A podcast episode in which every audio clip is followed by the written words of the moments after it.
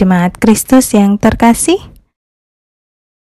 renungan untuk kita malam ini berjudul Pemulihan dari Allah.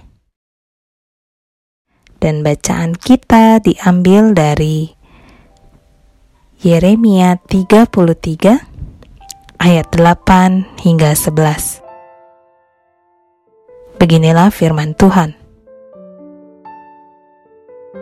Aku akan mentahirkan mereka dari segala kesalahan yang mereka lakukan dengan berdosa terhadap Aku, dan Aku akan mengampuni segala kesalahan yang mereka lakukan dengan berdosa dan dengan memberontak terhadap Aku.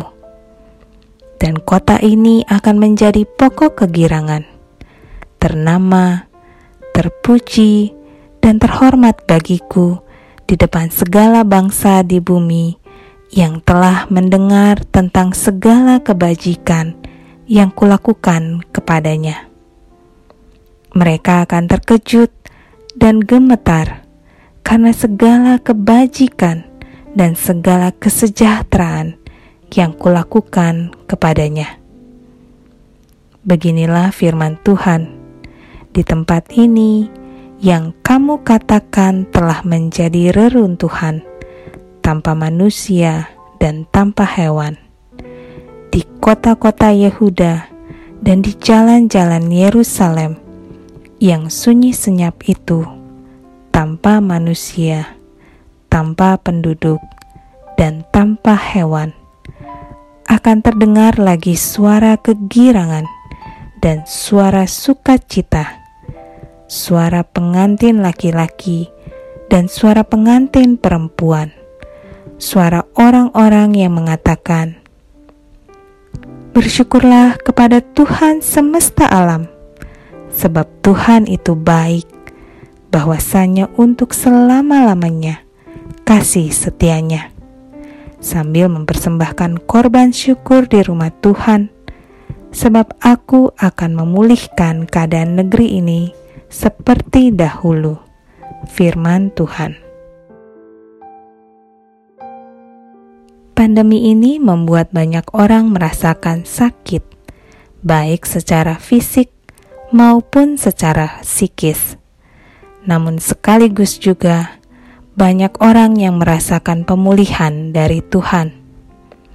Banyak kedukaan yang dirasakan orang, namun banyak juga yang mendapat penghiburan dari Tuhan.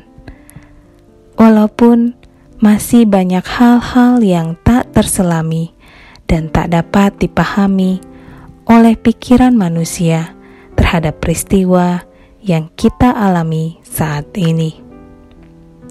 Kondisi ini sangat mungkin membuat kita patah hati ataupun apatis kepada Tuhan kita kehilangan pengharapan karena rasanya semua yang kita upayakan menguap begitu saja dan tak memberi dampak apa pun untuk kehidupan kita.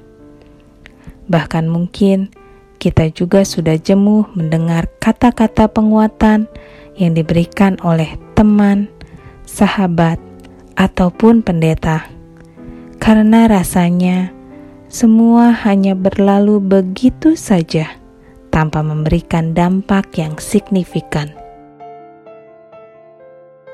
Lalu, bagaimana kita tetap memiliki pengharapan kepada Allah?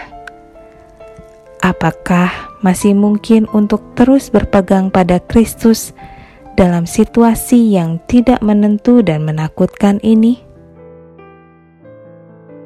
Walaupun sudah banyak penelitian yang mengatakan pandemi ini tidak lama lagi akan selesai. Namun kalau boleh jujur, bukankah dampaknya tak sesederhana itu? Ada dampak-dampak lain yang masih terus akan membawa dampak pada kehidupan kita. Contohnya, dampak ekonomi, kesulitan adaptasi dalam situasi yang baru. Belum lagi bila kita berduka karena orang-orang terkasih menjadi korban dari pandemi ini.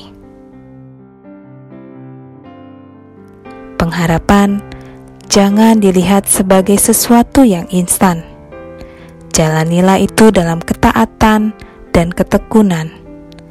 Biarlah dalam waktu yang tepat kita dapat merasakan pemulihan dari Allah.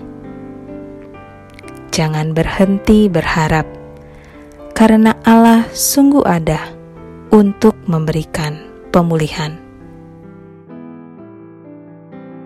Demikianlah renungan kita malam ini. Semoga damai sejahtera dari Tuhan Yesus Kristus tetap memenuhi hati dan pikiran kita.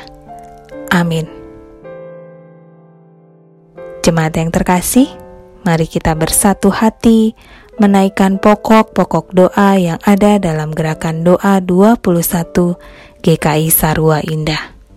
Mari kita berdoa.